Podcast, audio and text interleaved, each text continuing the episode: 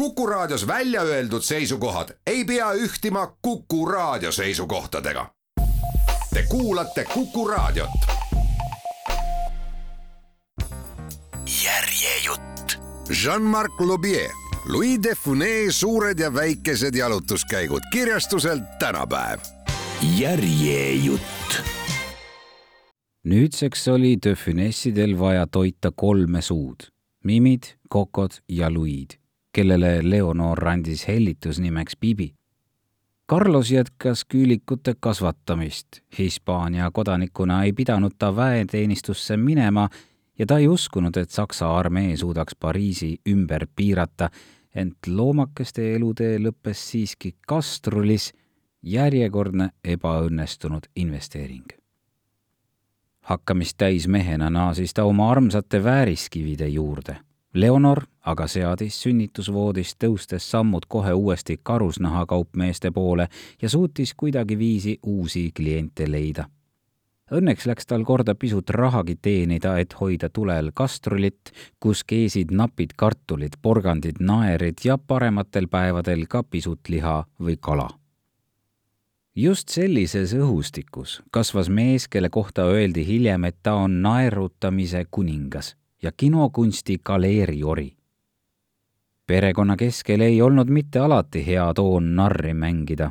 Leonor pidas oluliseks, et tema lapsed saaksid laitmatu kasvatuse. ta kasvatas oma lapsi samamoodi, nagu oli kasvatatud teda ennast rangete kombekusreeglite vaimus, mis nõudsid, et oldaks alati viisakas, teisi austav, söögilaua ääres korralik ja nii edasi. sellest kasvatusest oli väga palju kasu, iseäranis Piibile. väga sageli unustatakse rõhutada, et mu isa oli peene kasvatusega mees. asi on väga lihtne. Poleks ta seda olnud, poleks mu ema perekond teda ealeski omaks võtnud. nii möödusid sõjaaastad Töfinesside juures Leonor hoidis lastel rangelt pilku peal ja valvas miimid, kellest hakkas saama kaunis väike neiu, turul käies aga võttis ta enesega kaasa Coco ja Bibi Pecon le Bruyeri turule, mis asus Courbevoie ja Asnieri vahel. seal jälgis Bibi alati kaupmeeste pitoreskset ja pikareskset vaatemängu. tagasi koju jõudes tegi ta oma perekonnale nalja, imiteerides pudukaupmehi, lihunikke, aedviljamüüjaid õppis tänaval naerukunsti. ta oskas mitte ainult imiteerida turukaupmeeste kisa, vaid suutis jäljendada ka nende rühti, žeste, miimikat, näotõmblusi. kas Bibi valmistus juba tollal saama meheks, kes võib näole manada nelikümmend nägu minutis? seda väita oleks rutakas Bibi nautis ka Leonori vihahooge, kui ta oli mõne lollusega hakkama saanud ja ema karjus ma tapan su ära Bibi kartis oma ema, nõnda samuti nagu ta õde ja vend. Ema autoriteet kahtluse alla seada poleks mitte kellelegi mõttessegi tulnud. piisas näiteks sellest, kui Leonor kaotas ära mõne tühise mündi, seepeale aga läks sellest sõna otseses mõttes hulluks kõigepealt ta ärritus ja seejärel läks päris närvi, tormas siia-sinna, vaatas vaiba alla, voodite alla, karjus, et nüüd on juhtunud katastroof, jube asi ja see võis kesta tunde. Need olid tõelised hüsteeriahood, mille käigus võis korduvalt kuulda ma olen pühak ja lähen otse paradiisi. hiljem ütles Louis de Funès tema kohta sageli, mu ema oli täpselt nagu Raimu. Carlosega olid lood sootuks teisiti teda oli kodus harva näha ja naise suhtes oli ta küll allaandlik, aga huumori meelest tal puudust ei tulnud ta huumor oli külm ja ta lühikesed laused olid tihtipeale väga teravmeelsed. ta oli küll puhast verd andaluuslane, aga huumor oli tal nagu inglasel. minu isa oli tõeline artist, rääkis Louis de Funès oma poegadele. ta oli rahulik, diskreetne, ta ei tõstnud häält, ta oli iseäranis viisakas. tal oli tugev huumorisoon, argielu teda ei huvitanud ja enamiku ajast veetis ta kohvikutes ta oli lõunamaa mees. Need iseloomujooned tegid teistele nalja. fantaseeriv Carlos aga võttis nõuks hakata tootma sünteetilisi smaragde. esmapilgul ei tundunudki see mõte kuigi rumal, ainult et Carlos oli värvipime. ta ei suutnud teha vähimatki vahet rohelisel ja sinisel, punasel ja oranžil. et sellest hädast üle olla, kasutas ta Bibi abi. Lõpuks aga jäi Carlose ettevõtmine isegi ta noorima poja toetusel toppama. toime tulla oli üha raskem ja Leonor hakkas väga sageli oma abikaasa hajaliolekut kiruma nõnda möödusid Bibi esimesed eluaastad poiss ei osanud ammugi muretseda oma vanemate rahahädade pärast, kuigi tuhande üheksasaja kahekümnendal aastal otsustasid nad Courbevoist suunduda Villiers-sur-Marne'i. Tolles linnas, mis asub Prii-sur-Marne'i ja Noisy-le-Grandi vahel ja kust kummalisel kombel Marne'i jõgi ei voolagi üldse läbi, asusid Töfinessid elama väiksesse ja väheste mugavustega majja Gilbert'i avenüül majas number kümme Bibi jaoks tähendas see uut keskkonda, iseäranis aga privileegi nautida kaheksa ruutmeetrist aeda, kus ta tegi algust salatitaimede ja porgandite kasvatamisega. Ta ei saatnud küll erilisi imesid korda, aga ta nautis seda tegevust ja unistas seal, tundes rõõmu rahust, mis aias valitses tihtipeale otsis ta sealt varjupaika pärast koolitunde kesklinna algkoolis, kus ta äsja käima oli hakanud koolis, mis asus kodust kahe kilomeetri kaugusel ja kus ta tundis igavust. ta ei raisanud hetkegi, et kibekiiresti koju tagasi lipata. poisist, keda klassivennad kutsusid nimega Töfün, sai tõeline meisterjooksja nagu enamik tema vanuseid lapsi, nii mõtles ka Bibi lugusid välja, leiutas pildikesi heade ja halbade inimestega ta nautis oma kujutlusvõimet samal määral, nagu ta vihkas kooli, kus ta Jeanne d'Arci moodi potisoengut kandes oli enamjaolt ümbritsetud tüdrukutest. Õpetajate vastu oli ta viisakas ja vagur, õpilasena aga keskpärane. ühesõnaga, õppimine talle ei meeldinud. Leonoris tekitas see küll masendust, aga sellest polnud tolku Bibi ei olnud otseselt looder, aga ta lihtsalt ei näinud põhjust teha tundide kaupa kodutöid ja lahendada ülesandeid, mis rääkisid lekkivatest kraanidest. Kümnenda eluaasta alguses lahkus Bibi Villiers-sur-Marne'ist Coulommiers-Jules-Ferry nimelisse internaatpõhikooli, kus oli juba ees tema vend Coco selle karmi asutuse range distsipliin pidi talle õpetama armastust korra ja organiseerituse vastu internaadis elamine pidi tal aitama õppida koos teistega elama. see aga oli asjatu vaev. Bibi sulgus oma kookonisse. Õhtuti, kui tuled kustutati, nuttis ta teki all. Õnneks oli samas koolis ta vend, kes teda toetas ja lohutas, sest ta ei näinud enam oma vanemaid ega õde. Mimi oli seitsmeteistaastane ja murdis meeste südameid. ta oli erakordselt kaunis ja hakkas mannekeeniks Bibi aga nuttis, sest aeg aina venis ja venis. koolist sai ta ära vaid neli korda aastas.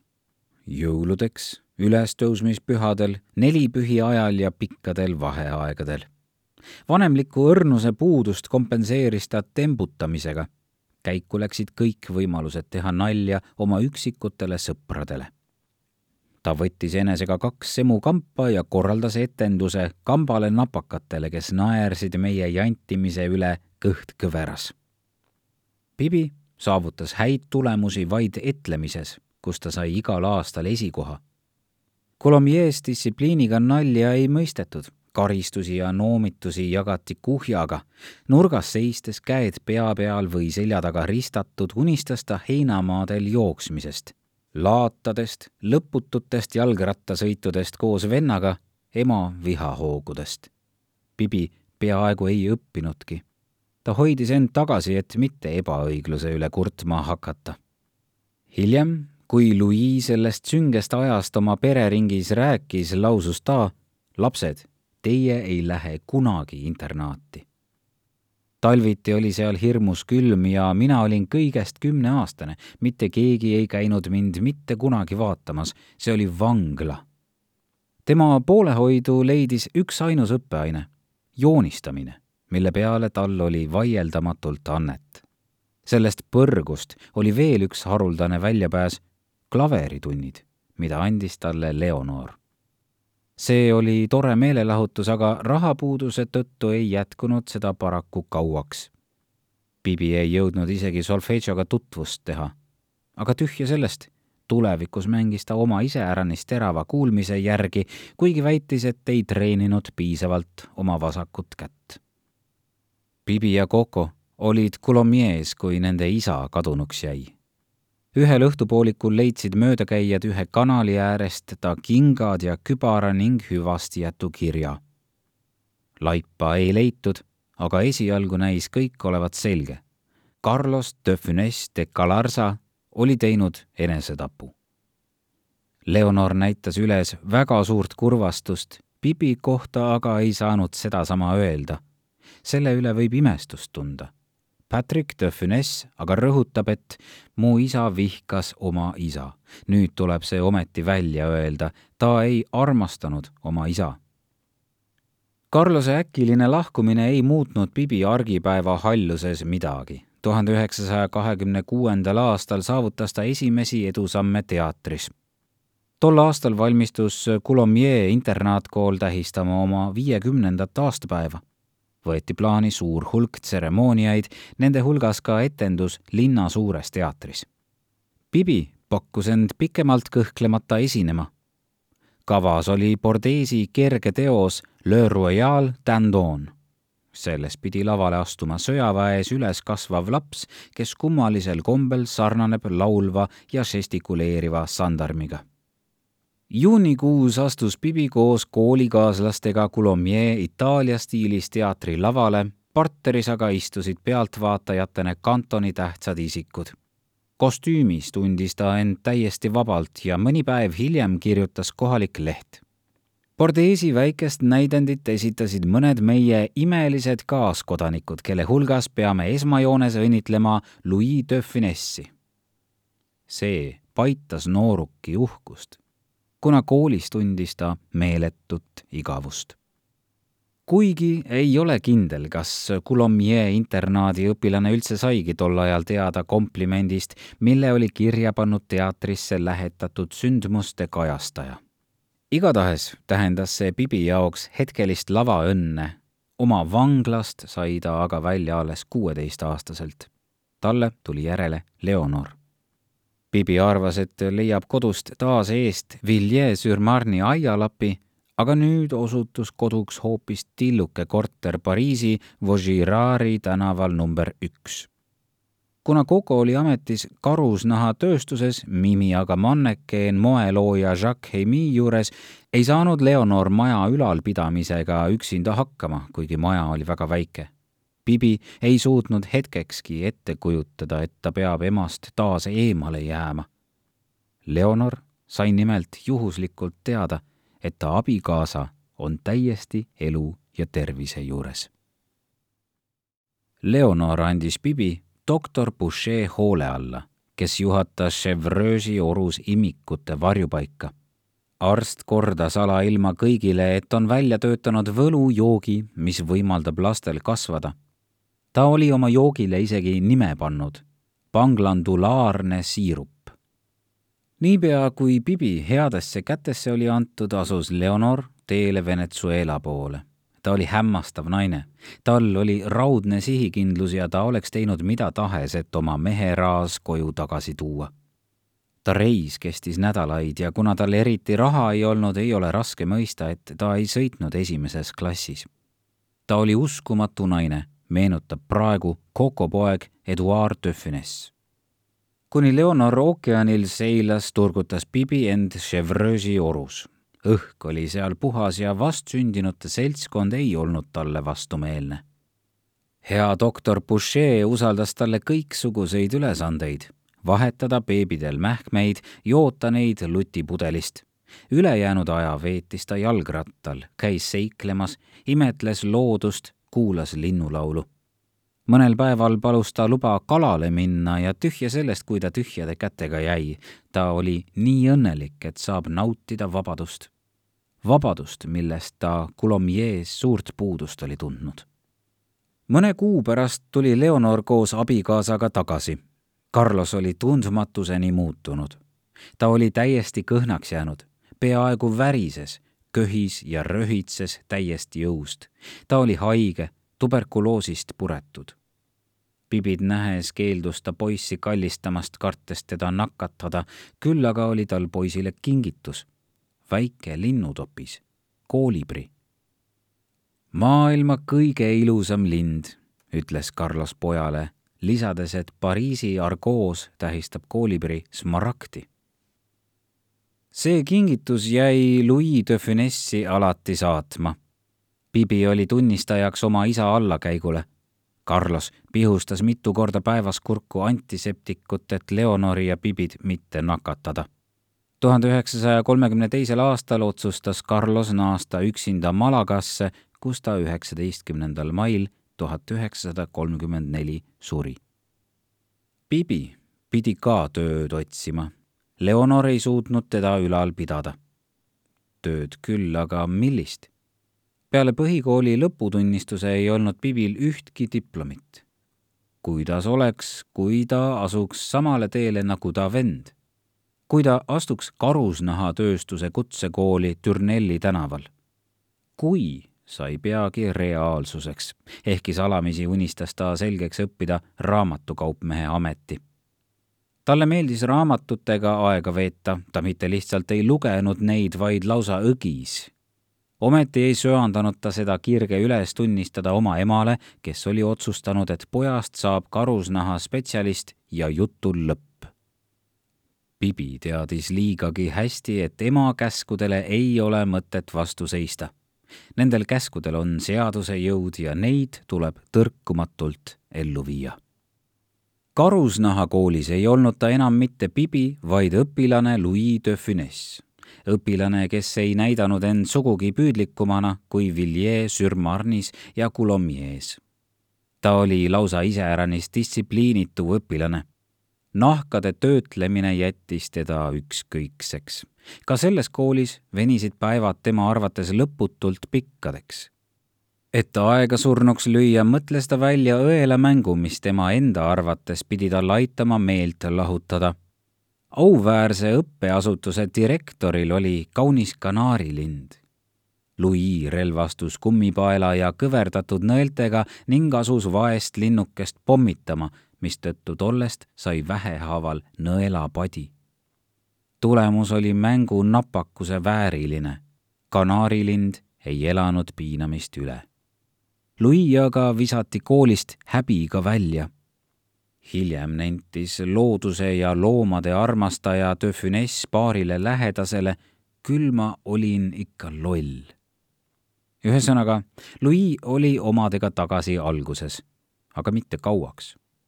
kool ei olnud enam päevakorral, õppimine aga küll juhuse tahtel sattus ta ka Tee tänavale ühe karusnahatöötleja juurde, Poissonieri äärelinna osa lähistele. ta ei teadnud õieti, mis teda ees ootab ja kasutas juhust, et minna meelelahutuseks kinno Maurice Chevalier filme vaatama.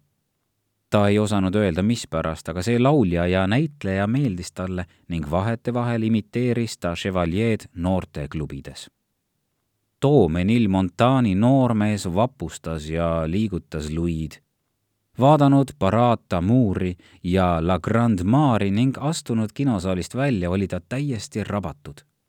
talle meeldisid mehe näitlemisoskus, žestid ja sarmikus. ja ta ei olnud oma peres ainus, keda Chevalier võlus. ka tema õde Mimi tundis tolle neljakümnendates eluaastates reipa mehe vastu ligitõmmet, kuigi hoopis teistel põhjustel Mimi oli kahekümne kuue aastane ja temast oli saanud seltskonnadaam ta lävis Pariisi kunstiringkondade eliidiga.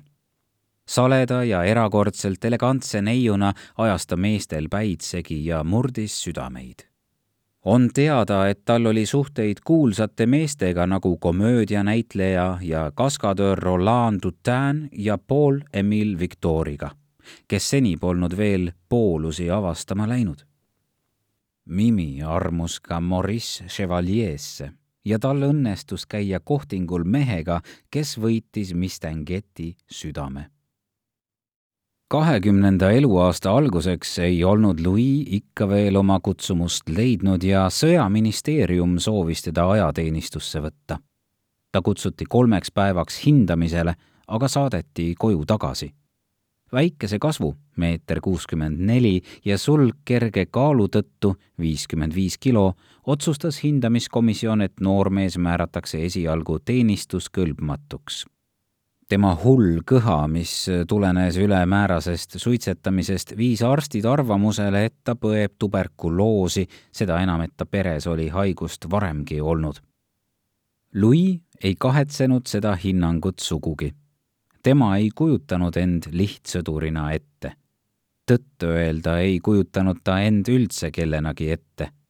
ta otsis endiselt tööd kuulutustest, mida luges ajalehtedest ja poodides kaubaväljapanekuid uurides tol ajal kleepisid töötajaid otsivad asutused oma välisuksele silte. otsime katusepanijat, otsime tislerit, otsime tööstusdisainerit ja just üks sedasorti kuulutus La Poetii tänaval köitis Louis tähelepanu. ta ei teadnud, mida täpselt tööstusdisaineri töö endast kujutab, küll aga teadis ta, et oskab pliiatsi ja söega ümber käia. Louis koputas personalijuhi uksele ja pakkus oma teeneid.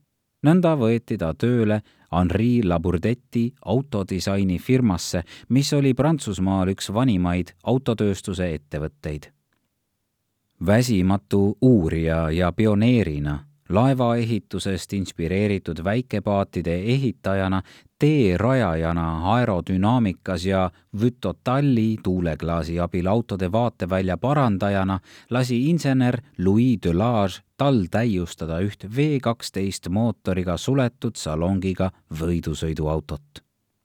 Laburdetis ei pidanud Louis illusioonid kuigi kaua vastu kuigi vaimusilmas nägi ta end automudeleid disainimas.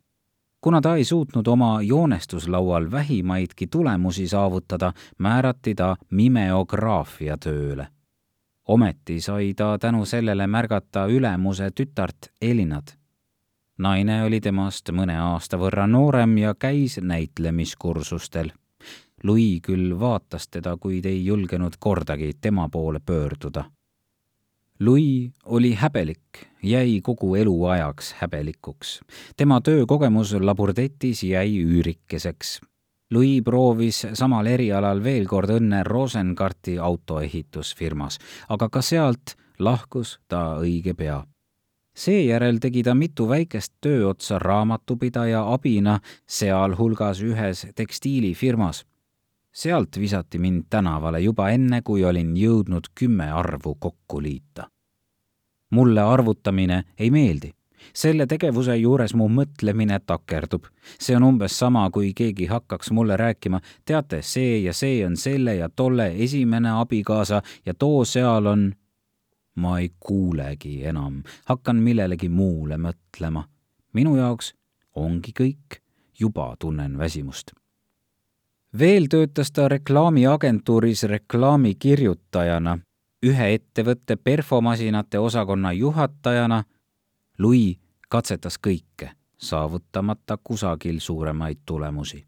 kuni korraga koges ta üht kuulutust lugedes vaimusähvatust, leides enesele kutsumuse kaupade väljapanija ameti saanud Unipri kaupluseketis tööd, ei hoidnud Louis jõudu kokku, et näidata, et tuleb oma ülesannetega toime. ta teadis, et selles ametis tuleb osata rakendada kujutlusvõimet, maitsekust ja teatavat kunstitaju. kuna parasjagu lähenesid jõulud, tegi tööandja talle ülesandeks komponeerida mänguasja vitriin saanud ülesande, kus talle jäeti täielik tegutsemisvabadus, asus Louis innukalt tööle soovides originaalset ja mängulist tulemust, ehitas ta oma vitriini üles maastikuna, mida võib näha lennuki aknast välja vaadates. iga mänguasi kujutas vaate detaile. tänu valguse mängudele oli tulemus väga tõetruu. tulemus oli lausa nii hea, et ta sai selle eest Unipri poodide parima vitriini konkursi peaauhinna edust innustust saades leiutas ta iga päev uusi ideid, et mannekeene elegantselt riidesse panna ja neid esile tõsta. kord tuli talle mõte ehitada Kölni veepudelitest püramiid. ta sättis pudeleid hoolikalt ja õrnalt üksteise peale ja algus oli väga paljutõotav. Louis oli otsustanud kasutada püramiidis ligi kolmesadat pudelit, aga kui tuli kohale sättida otsustav viimane pudel, varises kogu konstruktsioon kokku. kogu pood täitus lõhnaga. Louis oli maruvihane ja kartis, et see katastroof läheb talle jälle töökoha maksma. tal oli õnne ülemus näitas üles suuremeelsust ja Louis pääses lihtsalt noomitusega. poe ülejäänud töötajate hulgas, kes naersid suurel häälel, oli üks müüja, kellele olukord iseäranis nalja tegi. Naise nimi oli Germaine ja ta töötas muusikaplaatide osakonnas seda kõhna noormeest oli ta märganud juba mitu päeva varem. Nad olid vahetanud paar lausetki peamiselt džässi teemal alati riukalik saatus oli sättinud asjad nõnda, et Germaine ja Louis elasid tol ajal ühes ja samas linnajaos Courbevois. Leonor oli aga suundunud pealinnast äärelinna, kus olid taskukohasemad üürid. Germaine oli kahekümneaastane, tema oli tõeline pariislanna, sündinud Menil-Montanis. ta oli väikest kasvu ja sportlik brünett, ja iseäranis oli ta suurepärane tennisemängija. tal oli hea huumorimeel ja väga arenenud kunstitunnetus. ta armastas väga džässi ja hindas kõrgelt nalju, mida Louis talle kõrva poetas. nädalate jooksul said nad üha lähedasemaks termomeeter de Finesside Monceau tänava korteri ühe akna ääres värises külmast oli tuhande üheksasaja kuuekümne seitsmenda aasta jaanuar ja elav hõbe ei olnud juba paar päeva tõusnud miinus seitsmest kraadist kõrgemale. Pariisis, nii nagu teisteski Euroopa pealinnades, oli maad võtnud karm külmalaine. Bretagnes ei jätnud külmaudud kedagi puutumata, aga siiski tuli arvukalt huvilisi Le Cellier alevisse Clermont'i lossi oksjonile oksjoni juhataja oli oma kolm küünalt kõigile nähtavale kohale asetanud ja süütas neist toimingu alustamiseks esimese põlema. pakkumust varitsesid kaks meest. üks oli parun Charles Jusseux de Jamonier, teine Louis de Funessi notar, kuigi Louis oleks eelistanud teistsugust lahendust Clermont'i lossi omanikud, Jean'i sugulased, olid valduse juba kuus aastat tagasi unarusse jätnud ja Jean oli nendega eriarvamusele jäänud. ta püüdis küll kokkuleppele jõuda, kinkida teistele oma talud ja juveelid, et kogu loss enda omandisse saada, aga asjatult nagu sugulaste vahel sageli juhtub, kui mängus on suured rahad, võtsid asjad keerulise ja aeg-ajalt lausa mürgise pöörde ja et lõpututele tülidele ja vaidlustele lõpp teha, otsustasid Louis ja Jean avaliku oksjoni kasuks. Louis oleks eelistanud küll diskreetsemat lahendust, aga ometi polnud pääsu Alevi valitsuses teate avaldamisest ja teistest juriidilistest toimingutest. Nõnda oli kõigile teada, ka kohalikele ajakirjanikele, et Mopassani suguvõsale kuulunud loss on müügis. nüüd jaanuari alguses tuli Louis'l ja Jeanil võita lahing oksjonit korraldava notari Taveli ees. Louis volitatud notar pidas vastu ja võitis oksjoni kaheksasaja kolmekümne tuhande frangise pakkumusega. see oli Jeanile imeline kingitus, imeline revanš mineviku sündmuste üle. Louis'st sai nüüd aga lossihärra, keda ootasid ees rängad väga rängad kulutused. tehtud ost pidi minema määratult kalliks maksma, aga see teda kuigivõrd ei hirmutanudki kui juba elada rahus, kaugel eemal fotograafidest ja uudishimutsejatest, kes lugupidamatult tema ette astuvad ja näitavad, kuidas nad teda jäljendaksid, siis oli mõistlik minna elama tuttavasse ja armsasse paika, kuigi see sundis teda esialgu eemale jääma nii Saint-Clair-sur-Epti kui ka Deauville'i kodust. Nüüd aga ei pea ta enam ärevust tundma, kui rahva hulk teda piirata tahab ja ka Jean saab end turvaliselt tunda. nüüd ei pea ta enam kartma midagi sellist nagu tol korral, kui me väljusime restoranist, mille ette oli kogunenud suur hulk inimesi. Nad tormasid talle peale, kirjeldas Jean. Nad peaaegu vedasid ta kaasa ja mina jäin korraga üksinda. puhkesin nutma ja üks produktsioonitöötaja pidi mind tagasi hotelli viima. Nii et rahalistel ohverdustel, mida see ost enesega kaasa tõi, polnudki tähtsust kui Louis koos Jeanni, Olivier ja Patrickiga seda tuhande mälestuse aupaistega ümbritsetud paika üle läks vaatama, ootas teda karm reaalsus. söönud soos sürüsiinis konnakoibi ja vasika harknääret ning joonud selle kõrvale Loire'i veini, leidsid de Funessid eest räämas ja sünge lossi peahoov oli täis kõiksugu rämpsu, katus oli halvas seisus, fassaadil asuvad tornid tuli kivi kivi haaval uuesti üles ehitada ja nii edasi. lossi restaureerimine tõotas tulla titaanlik ettevõtmine. Louis aga ei raisanud aega, vaid asus kohe otsima kohalikke ehitusmeistreid ja lasi kiiresti igasse nurka alarmid paigaldada ta kartis endiselt murdvarguse ohvriks langeda ja see hirm osutus peagi põhjendatuks, sest kuu aega hiljem hakkasid alarmid keset ööd üürgama, meenutab Patrick de Funes. lossi talu ja naabermajade rahvas ärkas selle peale üles ja nad jooksid kohale, jahipüssid käes.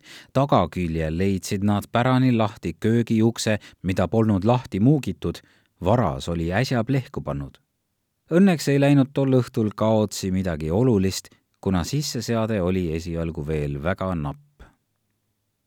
tööfinessidel kulus kaks aastat, et lossile taas jumet anda, ilma et nad sellest töö käigus tsikuraati oleks teinud.